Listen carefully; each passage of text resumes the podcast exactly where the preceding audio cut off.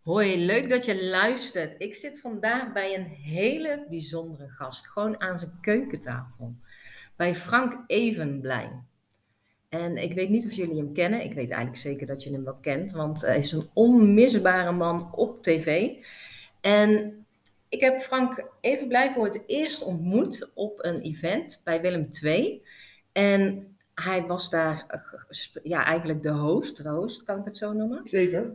En ik was zo onder de indruk hoe hij contact maakt met de mensen die hij interviewt, vragen stelt en het podium gunt, dat ik dacht, oh, ik wil Frank even blij heel veel vragen stellen. Frank, wil jij nog een uh, welkom dat je er bent? Nou, welkom dat ik hier mag zijn eigenlijk. Ja, welkom dat je er bent, dat ik hier mag zijn. Ja. Wil jij nog iets toevoegen aan de luisteraars wie je bent en wat je doet? Uh, nou ja, ik ben uh, Frank, ik ben 43 jaar en ik ben uh, programmamaker. En veel op televisie, maar ook op, op de radio en ik maak podcast. Ik ben vooral eigenlijk, denk ik, heel erg bekend in, in de sportwereld. Waar ik eigenlijk een beetje tegen wil en dank ben ingerold. Want ik ben nou niet de meest ervaren sporter van deze wereld. Maar ik vind sport heel interessant, want daar zitten heel veel dingen in die, die, die je in een sport meemaakt, die ik heel interessant vind. En eigenlijk meer, min of meer toevallig ben ik heel erg in die sportjournalistiek uh, beland. Ehm, maar dat is wel goed te combineren met een grote hobby en liefde voor mij, namelijk uh, mijn liefde voor voetbalclub Willem II. Ja. De plek, het stadion waar wij elkaar, nou ja, jij hebt mij daar in ieder geval gezien. Ja. En uh, dat is heel grappig, want het is een verhaal wat ik wel 35.000 keer verteld van waarom ben jij dan toch voor Willem II?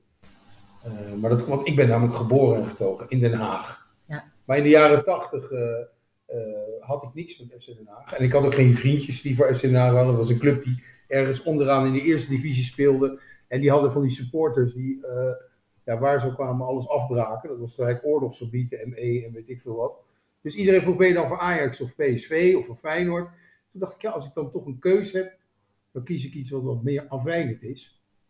En toen had ik een neef en die kwam toevallig, want ik weet dat jij daar vandaan komt, uit Oosterhout. Jazeker. En die was voor Willem II, wat op zich ook al opmerkelijk is, want Oosterhout ligt dichter bij Breda. Dus dan zou je zeggen, een volketje op ja, nak. Ja. Maar hij was uh, voor Willem II. En uh, hij heeft mij daar een beetje in meegezogen. En zo is mijn liefde voor Willem II uh, ontstaan. En steeds groter en groter en groter geworden. Nu is dat echt een ook een, een, wel een belangrijk onderdeel van mijn leven. Want ik hou heel erg van Willem II. Ik hou erg van voetbal. En ik hou ook wel een beetje van Tilburg en van Brabant eigenlijk. En uh, ik doe af en toe van die evenementen die ik moet presenteren als een dagvoorzitter. En meestal als dat ergens Willem II gerelateerd is, dan kom ik. Ja, dus uh, daarom hebben wij uh, elkaars pad gekruist op dat moment. Ja, echt geweldig. Ja, ik zei het ook al toen ik hier kwam, dat wij echt in de auto terug tegen elkaar zeiden, ik tegen Malon, zeg maar, mijn man, van wow, die Frank. Dat is echt amazing hoe die inderdaad gewoon, ja, interviewt, vragen stelt, verbinding maakt. Net alsof je jarenlang met ze in de zandbak hebt gespeeld, terwijl je ze net ontmoet. Ja, dat had je mij ook uh, gestuurd, hè, via een berichtje, dat je dat gevoel had. Ja. Wat ik een groot, als een groot compliment ervaar. Um, en dat komt misschien wel omdat ik gewoon, ah, ik ben gewoon zo. Dat ik gewoon graag met, ik vind echt, ik kan met iedereen wel praten. Omdat ik ben gewoon een ontzettende oude hoer. Dus ik vind het altijd heel leuk om mensen te ontmoeten. En uh, dingen van ze uh, te weten. Dus ik ben heel nieuwsgierig. Um, dus dat zit sowieso in mij. Ik weet nog wel vroeger ook nog, voordat ik op televisie was. Als ik in een, uh, in een café of zo met iemand in gesprek was, dan zei, zeiden mensen: Zit je mij nou te interviewen? Of, uh, oh, echt? Maar wel op, omdat ik gewoon veel vragen ja. stelde, maar wel op een nonchalante en, en oprechte manier, denk ik. En omdat ik door mijn werk uh, steeds meer met mensen in contact kwam, uh, krijg je daar natuurlijk op een gegeven moment ook steeds meer handigheid in. En omdat ik ook heel veel van die dagvoorzitterschappen of evenementen bij bedrijven zelf aan de lijf heb ondervonden, zag ik vaak hoe moeilijk en uh, stroef die gesprekken lopen. Omdat iemand wordt uh, ingehuurd omdat je bekender bent. Ja. Maar die weet eigenlijk heel vaak niet van de materie waar het over gaat. In dit geval was het de BOF. Ja. Hè, de ondernemersprijs in, uh, in, in, in Tilburg en omstreken, ja. of Brabant. Hè. En ik moet dan ook met, met, met mensen praten die ik nog nooit heb ontmoet. Die ook soms dingen doen. Ja, of het, als het een verfhandel is, nou dan lig, lig ik ook niet met mijn oren Nee. te klapperen. maar dan zoek je eigenlijk, tenminste dat doe ik, naar dingen die ik wel heel leuk vind. Omdat je dan, dan namelijk in een wat makkelijkere, op een wat makkelijkere manier in gesprek raakt. Waardoor het eh, het gesprek gewoon leuker is om te volgen. Dan dat je ja, van die droge bedrijfskost Ja, voor je kiezen krijgt. En wat ik het liefste heb, en ik denk dat dat dan ook opvalt, en waardoor ik ook in een goede flow terecht kwam, bijvoorbeeld op die BOF, is dat de burgemeester daar was. En dat is een autoriteit. En ik ben altijd heel beleefd. Ik spreek iemand aan met u en meneer. Ja. Maar ik stel toch net even een, een vraag, want die, die vraag moet je altijd van tevoren inleveren. Dat ja. de Oh, die moet je echt van tevoren inleveren. Maar daar hou ik mij nooit aan. Nee, gelukkig. Want daar was ik inderdaad. Ik was daar ook benieuwd naar. Van inderdaad, hè, jouw voorbereiding. Van eh, je moet dus vragen inleveren. Maar Ja. gelukkig. eh, Alleen bij de burgemeester hoor. ah, Oké, de rest eh, mag Nee, die, weten ongeveer, in, in basis weten ze wel een beetje wat ze, wat ze te wachten staat. Maar kijk, zo'n avond, dat is in het Willem II stadion, er waren best wel wat mensen. Ik heb geen idee hoeveel Ja, er echt waren. heel veel. 2000 of zo. Ja, denk ik, echt, ja, het voelde als van oud, zeg maar. Het voelde een Ja. soort carnaval. eh, eh, en, en, ja, het was ook net na dat, de, de lockdown. eh, Ja. Dus het was een van de eerste keren dat er weer heel veel mensen bij elkaar Ja. wel getest. En, Ja. en, eh, of in die QR-code. ja, maar ik geloof inderdaad. dat drie dagen later het land weer op slot Ja. ging. Ja, alles, alle horeca ging weer dicht inderdaad. Dus het was echt... Dus het was ook heel bijzonder voor iedereen om weer eens samen te komen. Er was ook duidelijk behoefte aan. Binnen, binnen de kortste keren waren de eerste flessen wijn al op. En Zo. er werd verzopen. Ik heb inderdaad mensen gezien dat ik dacht, zo, Ja, je nou was eraan toe. Ja. Maar ook begrijpelijk, want mensen hebben gewoon altijd behoefte om, Ja. eh, om te verbinden. En zo'n netwerkborrel is natuurlijk eh, vaak een, een samenkomst van bekenden. eh, en ja, die hebben elkaar de hele tijd al niet gezien. Om dan bij te praten is wel Ja. prettig. Wel moeilijker voor mij dan om de avond te, te leiden. Ja, Omdat omdat mensen dan, elkaar kennen inderdaad. En Ja, die dan, willen met elkaar lullen. Daar heb ik ook, daar heb ik ook alleen maar begrip voor. Ja, Maar ja, ik moet daar ook mijn werk doen. En ik hoop dat de boodschap dan overkomt. Maar ik weet wel met dit soort evenementen, kort houden. Altijd kort, kort, kort. ja, Gesprekjes, want anders dan verlies je de aandacht. Ja. Maar ik probeer het altijd wel zo te doen dat ik het A zelf leuk vind. En dan denk ik dat ik een graadmeter ben voor het publiek. nou, ik, ik kan als publiek zeggen dat het ook echt zo was. En ik, ik vond ook echt ehm, die vragen die je inderdaad aan de burgemeester, hij kon dat zelf ook heel erg waarderen. Hè? Je zag echt dan ontstaat er zo'n dynamiek die juist de avond maakt. Ik, Ja. ik, ik hou daar echt heel erg van. Ja, En eh, wat ook, hè, jij geeft ook al aan dat het eigenlijk altijd al in je zit om Ja. die vragen te stellen. En dan vraag ik me ook af, was dat ook zo toen je al op de basisschool zat, dat je team, eh, een teamplayer was?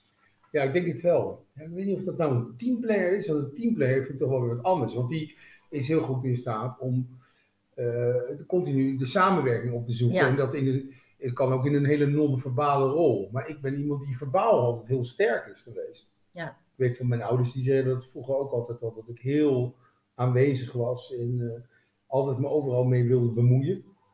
Dus, eh, eh, dus aan tafel in gesprekken. En ik was denk ik ook al vroeg wijs. Want ik weet nog wel dat mijn vader, die gaf les op de kunstacademie en had een architectenbureau. En dat ik toen ik een jaar of elf was al tegen de vrienden van mijn vader zei van... Ja, hij moet wat meer aan zijn acquisitie werken. Oh, echt? Nee. Oh, geweldig. Dus eh, ik had toen al wel een vrij brede woordenschat. En ik heb het altijd gewoon heel leuk gevonden om, eh, ja, om, eh, in, een groep mezelf te manifesteren. Om sfeer bepalend te zijn of zo. Ja, Dus en, en dat doe ik altijd graag op een manier dat iedereen het naar de zin heeft. Dus in die zin wel een teamplayer, omdat het namelijk, je moet alle, je moet iedereen meekrijgen in dat gevoel. En, en da- dan moet je dus ook je aanpassen af en toe. ja, Dus dan doe je, bij de ene doe je er een, eh, een schepje zout bij en de andere een beetje water bij de wijn. En, en dan probeer je die sfeer te krijgen. Dus ik denk dat dat wel altijd in mij heeft gezeten. Ja. ja, mooi. Sfeermaker, dat denk ik dat het... Ja, sfeermaker. Ja, Ja, ik vind het mooi hoe jij het zegt, sfeer maken. Ik dacht, ik had eigenlijk voor, voor me zo van, ook teamplayer. Je gaat altijd, zit je aan dezelfde kant van de tafel. Er zit nooit een, eh, je, je stelt kritische vragen en je, Ja. en je ga- gaat voor diepgang. Ja. Maar altijd wel eh, dat je aan dezelfde kant zit. Dat je ook echt wel de persoon eh, zijn verhaal echt laat vertellen. En niet in de strijdmodus. Dat vind ik ook heel mooi om te zien. Nooit is er strijd of... het is. Eensgezindheid, maar wel Ja. kritisch. Nou, kijk, op zo'n event als de BOF voor, eh, voor Willem II staat, dan is er natuurlijk sowieso geen sprake van strijd. Nee, Hè, maar dan kun, je, dan kun je je beperken tot, eh, en wat doet u met uw bedrijf? En vindt u het nog leuk? En van harte gefeliciteerd, en Ja. gaat het door u heen? Eh, maar dan, dan zit het er meer in, in wat grappen maken over wat gevoelige zaken, waar je ondertussen toch iets mee vraagt. Maar goed, daar zoek je niet echt de diepgang, maar meer eigenlijk de consensus van dat je wel je informatie overdraagt, maar dat wel op een, op een goede en leuke manier verpakt, waardoor het voor iedereen eh, een beetje draaglijk is. En in interviews wil ik echt wel kritisch zijn, omdat ik ook wel echt een verhaal wil halen bij iemand. En mij soms oprecht afvraag, waarom heb je zo gehandeld? Of waarom heb je juist niet zo gehandeld? Alleen ik denk, je hebt verschillende methodes om een verhaal uit mensen te krijgen. En ik denk, als ik een hele goede interviewer moet noemen, eh, die recht tegenover mijn techniek staat, Ja. als je het over een techniek kan spreken, dan is Mhm. dat Sven Kokkelman. die ken ik niet. Sorry, sorry. Op één, Ga, ik- ga ik opzoeken. Zijn naam ken ik wel, maar, maar zijn manier van vragen, ik heb echt geen beeld bij. Sven Oh. Kokkelman die, is, eh, die, die, die interviewt op een hele formele manier. Dus altijd met meneer, u, mevrouw. Ehm, en ga met een gestrekt been erin. Eh, met, veel, met, met, ja, met, met hele directe vragen. Mhm. Eh, en dat werkt wel, omdat dat namelijk. Mensen worden echt voor blok gezet. En daar ontstaat een soort ongemak uit, wat ook onprettig is af en toe om naar te kijken, maar Ja. wel leidt tot een uiteindelijk antwoord. En dat antwoord hoeft niet altijd inhoudelijk bevredigend te zijn, maar dat ongemak vertelt vaak ook, ook een heel verhaal. veel, ja. En ik vind dat heel interessant om naar te kijken. Het is alleen precies niet wat ik doe. Ja, Ik ben namelijk informeel, ja, eh, zoek de verbinding om vanuit daar eh, dieper bij iemand eh, te komen, om, om uiteindelijk dan ergens achter te komen. ja. Ja, geweldig. Ja, en ik zie het in alles terug, want na het event ben ik jou op social media gaan volgen. Ja. En eh, luister je podcast, die vind ik trouwens ook echt geweldig, jullie podcast. Die chemie die er is. En de eerste podcast die ik van jullie luisterde, van Bureau Sport, ik zal Ja. hem ook even noemen. Ehm, er komen zoveel dingen aan bod. En zoveel personen en zoveel weetjes. Dat, en op een gegeven moment eh, betrapte ik mezelf op dat ik na één stuk heel serieus aan het luisteren was. En er echt eh, ook een emotie dingetje kwam aan bod. En dat ik echt helemaal daarin dacht van wow. En daarna hoorde ik mezelf keihard lachen om een grap die jullie maakten. En dat Mhm. ik ook die dynamiek die daar aanwezig is. Ja, ik vind het echt een heerlijke podcast eh, om te luisteren. En ook, ja, jullie zijn ook echt alle drie zo verschillend. Hè? Erik, Wouter Ja. en jij. Ja, En dat is zo gaaf. En ook elkaar wel eh, triggeren. Want ik, ik merk dan altijd, eh, dan moet ik altijd denken aan mijn oude collega's eh, van school. Dat er tussen mannen zit er ook weer een andere dynamiek, vind ik zelf, Zeker. dan vrouwen. En ik moet daar altijd heel even aan wennen. Al, dat, dat, dat zal ik wel eerlijk zijn, ik moet er altijd even aan wennen. En dat is dan echt een split second. Hè? Dus even aan wennen is drie seconden. Maar die chemie is zo leuk. ja. Ja. Maar waar moet je dan aan wennen? Ja, ik, ik eh, vind dat. eh, ik vind het een goede vraag wat je stelt. Ik vind soms hoe mannen met elkaar omgaan. Mhm. ehm, ik, ik maak wel eens grapjes over mezelf ook. Dat bij bepaalde grappen.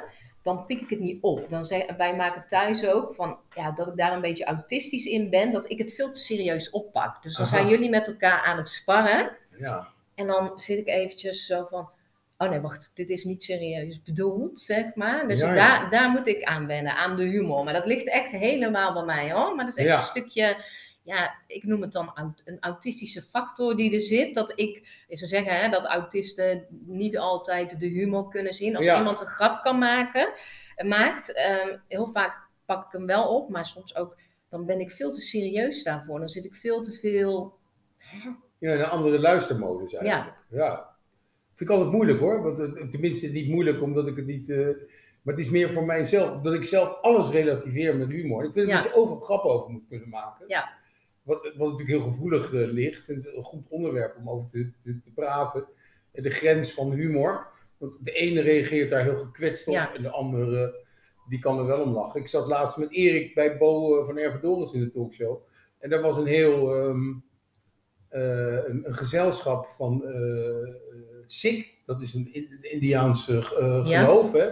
Mensen met tulbanden om en, en, en, en een grote baard. En die waren eh, eh, heel erg teleurgesteld in Bo.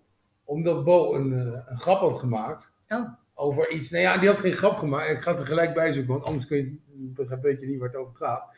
Maar je hebt een, een rubriek op drie, Radio 3FM mhm. en dat heet Mama Appelsap. Ja, daar heb ik wel van gehoord. En ik heb, eh, Mama, ja. ja. Mama Appelsap is een rubriek waarin, ehm, eh, hoe heet het, Eh, liedjes, gewoon bekende liedjes of onbekende Mhm.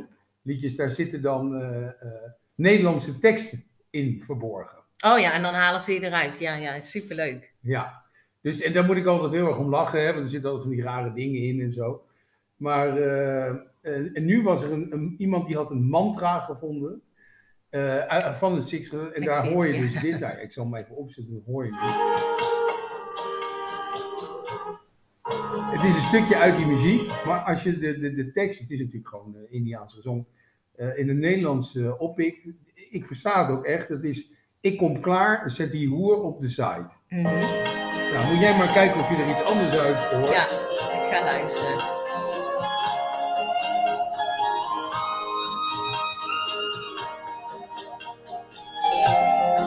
Komt ie hoor.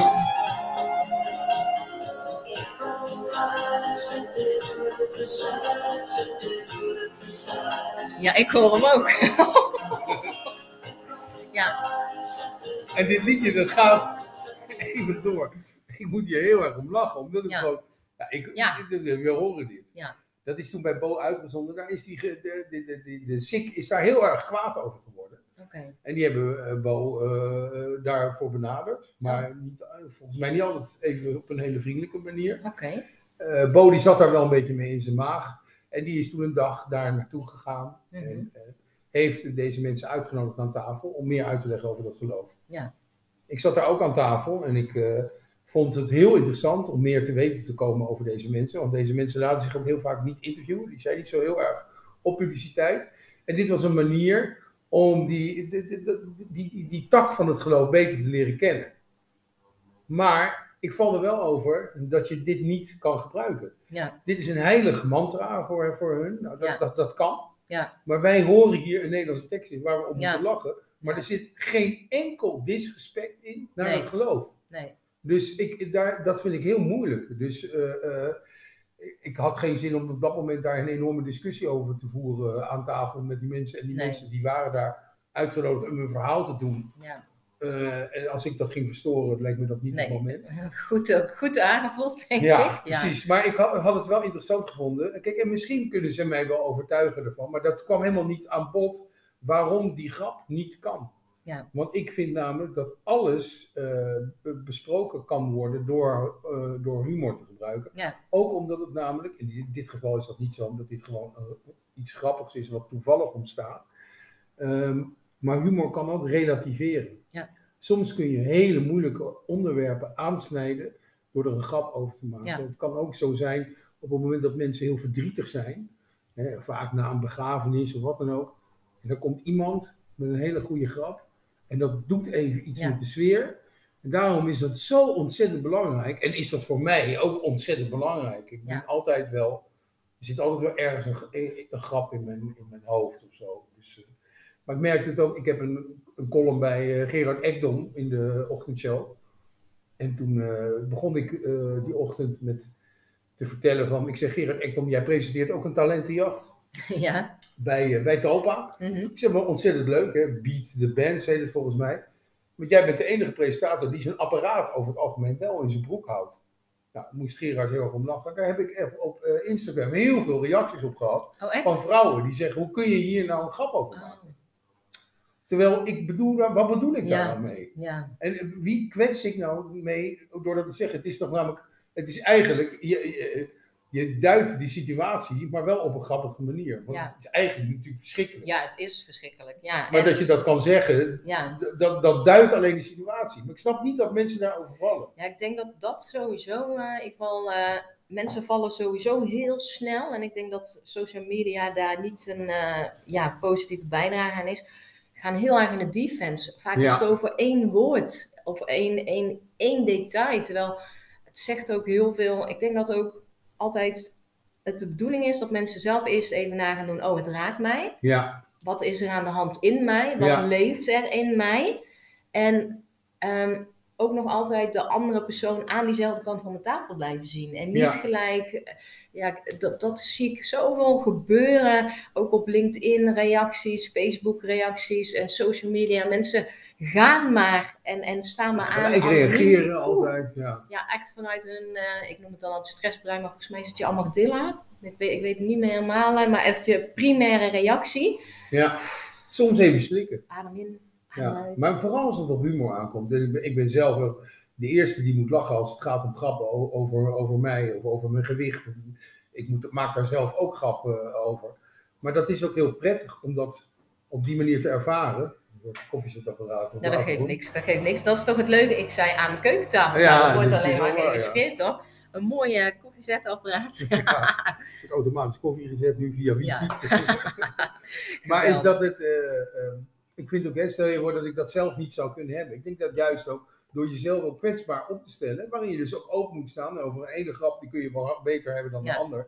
Maar daardoor stel je jezelf ook makkelijker open naar anderen, waardoor je uiteindelijk veel meer begrip onderling kweekt.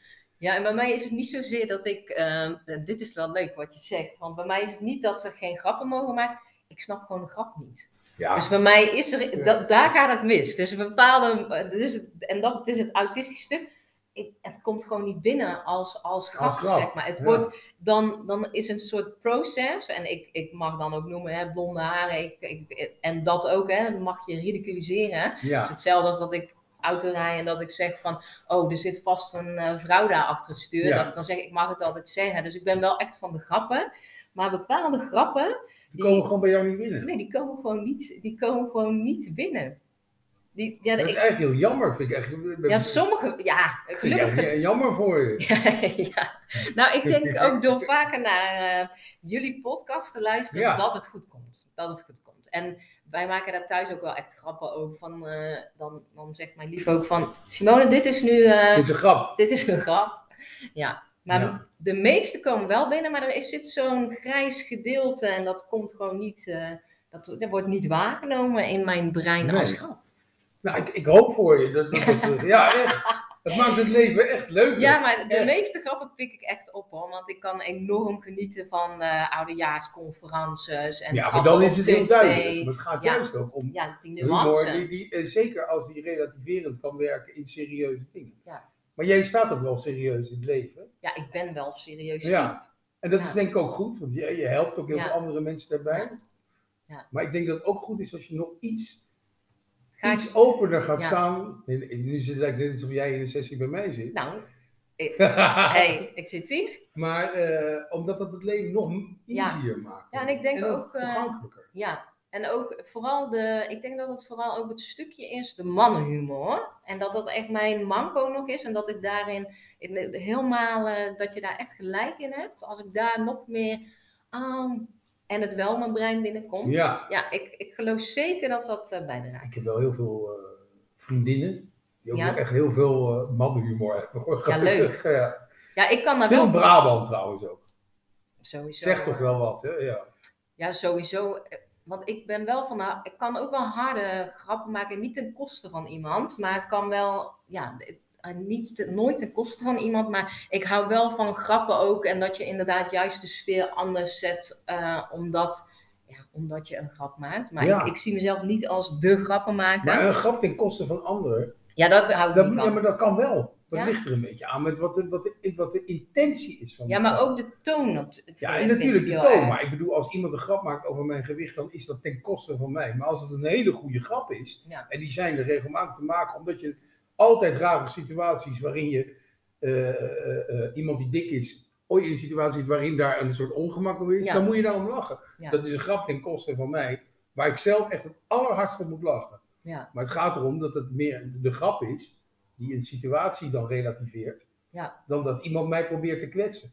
Ja, ik heb ooit bij een eh cabaretshow gezeten en de sfeer was gewoon onveilig. Het hele publiek viel stil en ik denk dat je dat toch ook niet als... Ja, Nee, wie was dat? eh, ik ga het niet noemen op Nou, podcast. Nee, dat... eh, de, ja, hij...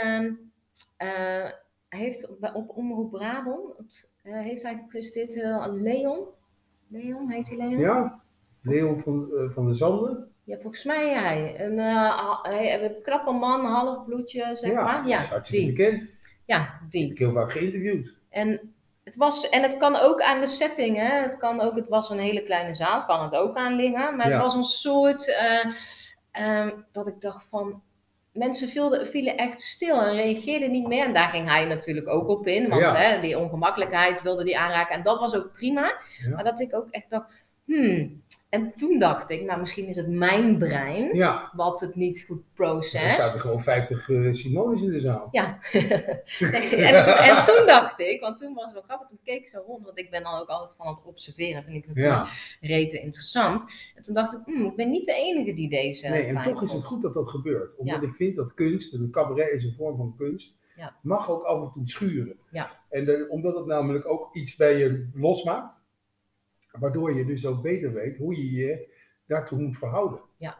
Dus daarom vind ik dat er dus geen grenzen moeten zijn aan dat soort dingen. Natuurlijk, als iemand heel bewust Ja, en mensen uitscheldt om op basis van eh, ras of, of, Ja. of, of, of gender, wat, dan- dat is iets anders. Maar als iemand probeert door middel van humor, Ja. die misschien niet helemaal begrepen wordt, om toch een verhaal te vertellen, dan vind ik altijd dat je moet stimuleren dat dat gemaakt wordt.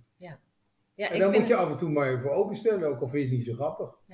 ik goed vind het je ook mooi, eh, ik vind het ook mooi hoe jij, dat, eh, hoe jij dat dan ziet. En dat vind ik ook, dat is natuurlijk ook de reden waarom ik jou graag wilde interviewen. Omdat jouw ja, kijkwijze naar dingen, ik vind het echt heel, heel tof. En ook eh, die, die uitleg erbij, wat er dan Ja. Ja, voor mij is dat heel normaal. Ja. Dat is iets wat ik denk ik gewoon altijd in me heb gehad, voor alles open te staan. Ik denk dat het te maken heeft met onderwijs en dat soort dingen. En, en, en opvoeding. En, en natuurlijk ook, eh, ik geloof ook wel dat het genetisch is. Ja, dat dus het is een combinatie van dingen. Maar ik heb ook wel geluk gehad, denk ik, op, op scholen. Ik heb op, op twee verschillende basisscholen gezeten. En de laatste was eh, is de meest bekakte school die er maar bestaat in heel Nederland. Ja? Mark Rutte heeft daar ook gezeten. Oh, Lodewijk Asscher ook, maar die is wat ouder dan ik. Schoolvereniging Wolders in Mhm. eh, Den Haag. En dat, de directeur van die school, eh, dat was een, eh, de beste vriend van mijn vader. En eh, die, die was helemaal niet zo bekakt, maar die is ooit op die school terechtgekomen. En daar, nou, ik zat ook in de klas bij allemaal. Die had de, de toenmalige baas van de NAVO was Jaap de Hoop Scheffer, zijn dochter. Zat bij mij in de klas. Het was allemaal eh, veel politiek en, en, en ook wel veel geld. Maar het was wel een hele goede school. En er werd ook heel erg veel aandacht besteed aan maatschappijleer, op basisschoolniveau al, waarin er Mhm. heel erg over politiek, cultuur enzovoort werd gesproken. Waarin ieder heel vaak het woord kreeg van wat vind jij en hoe kijk jij daar tegenaan. En dat heeft echt wel iets qua eh, interesse en zo bij mij opgewekt. En er waren ook wel fases dat ik dacht, ja, ik heb helemaal geen zin om hier nu over te praten, want ik was bezig met illegaal vuurwerk. En dat hoort namelijk ook bij de ontwikkeling van een kind. Ja. Maar het feit dat de mogelijkheid er was en dat je er dus af en toe aan proeft. En de ene keer neem je een grote hap van het aanbod van zo'n school. En de andere keer alleen maar eh, kijk je er heel Ja. even naar. Is dat het aanbod zo belangrijk is om uiteindelijk. Ja, niet bij iedereen zal dat iets opwekken. Maar bij mij heeft dat wel gezorgd, denk ik, voor een groot interessegebied. En ook een groot interessegebied in mensen. Ja. ja, heel mooi. En ik ben dus benieuwd, want ik heb ook echt het idee dat jij oplaadt met mensen om je heen, zeg Ja. maar. Heb je nou ook momenten dat je echt even in je eigen bubbel kruipt? Of, of zijn er momenten dat je echt... eh, ja, ik ben benieuwd, want ik zie jou ook echt opladen hè, bij, eh, bij mensen ook. Terwijl wij, eh, voordat we Mhm. dit op gingen nemen, ook hebben we Ja. elkaar al gesproken. Ik zie echt ja, dat, dat jij in je energie blijft, zo noem Ja. ik dat dan. Maar heb jij momenten dat je daar wel behoefte aan hebt, even in je eigen bubbel? Zeker, ja. Ik vond het ook. Zeker, weet je wel, met de komst van een gezin is er eigenlijk bijna nooit meer rust. Hè, je bent dan altijd eh, eh, bezig, staat altijd aan. Er is ook altijd iemand in huis en zo. Dus dat je, dan ben je niet vaak alleen. Dus ik, op een gegeven moment ging ik echt wel momenten opzoeken dat ik op, eh, op mijn kantoor kon zitten waarin ik echt even alleen was. Mhm. Maar dat, dat- dat is echt alleen maar het feit dat je even alleen bent. Het is niet zo dat ik mezelf dan aanzet van nu ga ik eens even tot rust komen. Nee. Het is meer het moment dat ik even alleen ben. En dat kan ik ook hebben als ik s'avonds in bed nog een Netflix-serie zit te Ja. kijken. Dat gewoon, dan gaat alles gewoon, ik denk ook in je, in, je, in je nachtrust, verwerk je volgens mij de hele dag. Ja. Dus het is niet iets wat ik heel bewust opzoek, of ik ben niet bewust bezig met eh, uit mijn bubbel stappen. Ja, Maar ik snap wel wat je bedoelt. dus eh, de- je even voor jezelf zijn, zeg maar.